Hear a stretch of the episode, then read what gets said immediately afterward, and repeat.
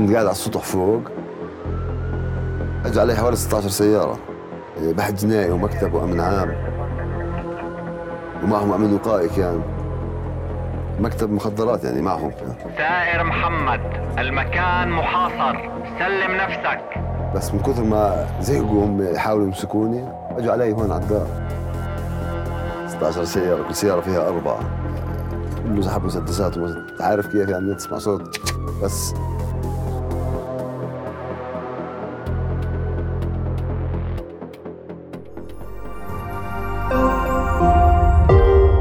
بودكاست. وثائقيات 3D تقدم سلسلة ما بعد الجريمة. للحصول على تجربة فريدة ومميزة يرجى الاستماع للبودكاست بالهيدفونز. أنا اسمي ثائر محمد آه، عمري 38 سنة.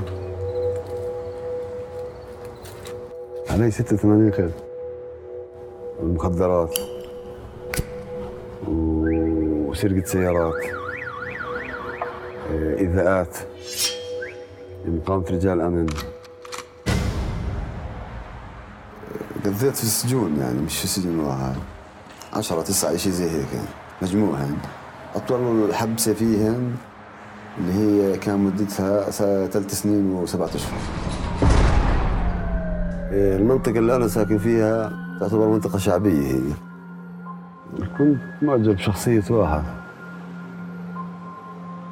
إحنا على لغتنا بيقولوا له ابن داوين أحب كيف العالم بتخاف منه كيف العالم بتسوي اللي بدها إياه. عرفت عليه بنادي اللي يعرفه. كان عمري 15 سنة بس كنت جريء. وهو كيف علي صغير هيك وفعفور. صار يمشيني معه. وقاعد انطلقت الرحلة. صاحبنا كان شغلته السيارات هي. فكان مطلوب. أجى على البيت ثلاثة وياه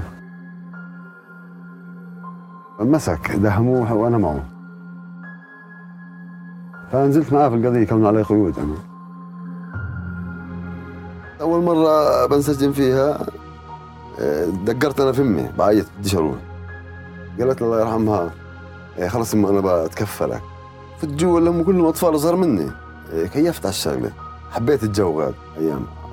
فأنا قعدت معهم صرت زيهم. لما روحت اللي من جيلي إيه، كلهم أجوا علي وكيف السجن؟ يعني أنت حسيت حالك انك عامله شيء كثير إنك بطل. لا مش أصعب ولا هامل. كنت بجوز. مش هالسلام مش أصعب ولا أنا مبسوط هيك.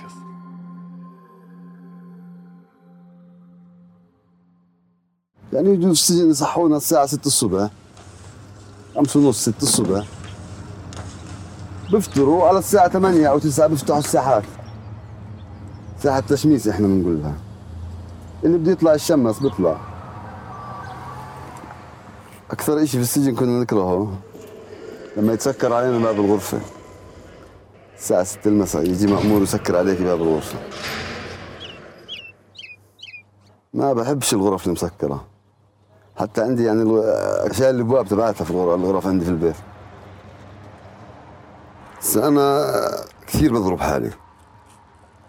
وهاي أجتني إنه أنا في السجن آه، كنت أشوف ناس آه، مضروبين. أنا أفكر الناس بضربها لما تيجي تساليني بيقول لك أنا اللي ضارب حالي. حاولت أنتحر مرتين من هنا مرة شربت دواء مرة ضربت حالي ثمان ابركاز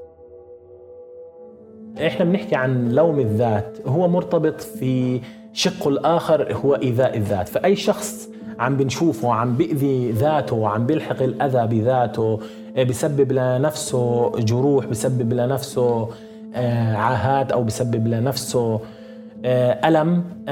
غالبا هذا منشأه من شعور لوم الذات. ولهذا بيصل في بعض الأحيان لقطع أيديهم أو بتر أعضاء جسدهم عشان يقولوا إنه هذا نوع من أنواع العقاب. اجتمعنا مع جيران ثائر وسألناهم عنه وهاي كانت ردودهم. وإحنا من مؤسسين المنطقة هاي تقريبا إحنا من سنة 80 وإحنا هون. كيف كان وكيف صار هسه؟ وما شاء الله الله فتح عليها وفتح دكان وقعد فيها وركز يعني ودار باله على اخواته وعلى اهله وعلى بيته. وما شاء الله عنه نرفع معنوياته كمان ونقول له شوف وين كنت وين صرت. لما كنا صغار يعني كانوا يقولون لنا ثائر مثائر و... وشو كان يعمل وشو كان يسوي وشو كان يعمل مشاكل برا وهيك لما نشوفه نتجنبه يعني. يعني اللي يهرب اللي يتخبى اللي هيك بس إنه نتجنب إنه كثائر يعني. من اللي كنا نسمعه من الكبار. وأنا بفكر إنه يعني سبحان الله كل اللي كان فيه بهالزمانات وهالمرمط وهالدنيا إنه ربنا ربنا هداه وفتح الدكان ورجع لأسرته اموره كلها مشيت. هسه أنا امي ومرتي هم اللي ساعدوني خليني أتوب. لأني مرتي أنا وعدتها قلت لها خلص. يعني ما راح أعمل مشاكل وما راح أنحب. وعملت مشاكل وانحبست. وأمي كمان. أمي في يوم كان عيد ميلادي. فبقول لها يما اليوم أنا عيد ميلادي.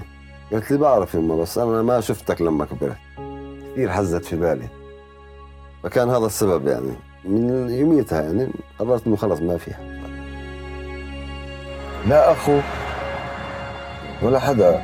ممكن يتحملك زي ما بتتحملك أمك. ممكن بتغلط أول مرة بتحملك. بعدين بقول لك يعني بعدين بزهق. الأم ما بتزهق. مستحيل تزهق من ابنها وأنا واحد من الناس. أمي شافت ما عندي بالظهر زي ما بيحكوها بس ما زهقت وما يأست ظلت واقفه معي. طبعا هي الوحيدة ما تخلت عني الكل يقولوا لها خلص هذا عمره ما الله بيهديه قلت لهم لا هذا الله راح يهديه محاسبة الذات هي تقييم لنقاط الضعف اللي أنا والأخطاء اللي ارتكبتها وإني أكون عازم على تصحيحها وإن أوجد البديل الإيجابي إلها. ولهذا دائما بشخص أنا وين أخطائي وين مشكلاتي وين فجواتي وين, هف وين هفواتي في الحياة. وبالتالي بقدم البديل آه، في هذا الجانب. آه، بعزم على نفسي إني أحط خطة إني أتغير مش إني وهذا هو محاسبة الذات. يا سجن يا اقامه جبريه يا مطلوب هيني هسه في البيت اختياري. ما بقدر أطلع. مش ما بقدر؟ ما بحب أطلع. السجن بس في دارك يعني حلو السجن هذا مع اولادك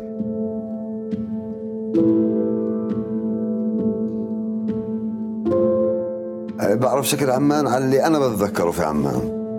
لما كنت أطلع أنا إلي تقريبا سنتين ما طلعتش على عمان. طلعت مش على عمان بقيت أمرق اللي هي الطريق اللي بتطلع على الأشرفية. بس من الدار الأشرفية أيام ما كانت أمي في المستشفى. والمشوار اللي بعيد اللي طلعته لما طلعنا دفنا أمي وأنا بر... ولما أروح ازور أمي في القبر بسحاب. أكثر من هيك ما شفتش.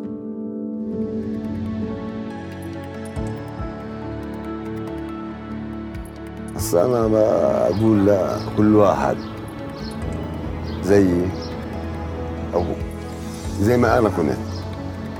وبقول لك أنا خلص يعني طريق في ناس بتقول لك أنا طريق مشيت فيه هذا وما بقدرش أرجع. لا بتقدر ترجع. بتقدر تغير حالك. وبتقدر تعمل المستحيل.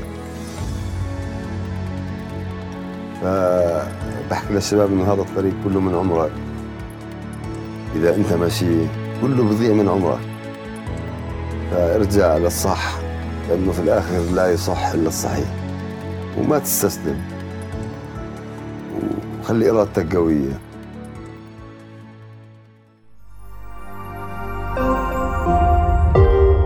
رؤيا بودكاست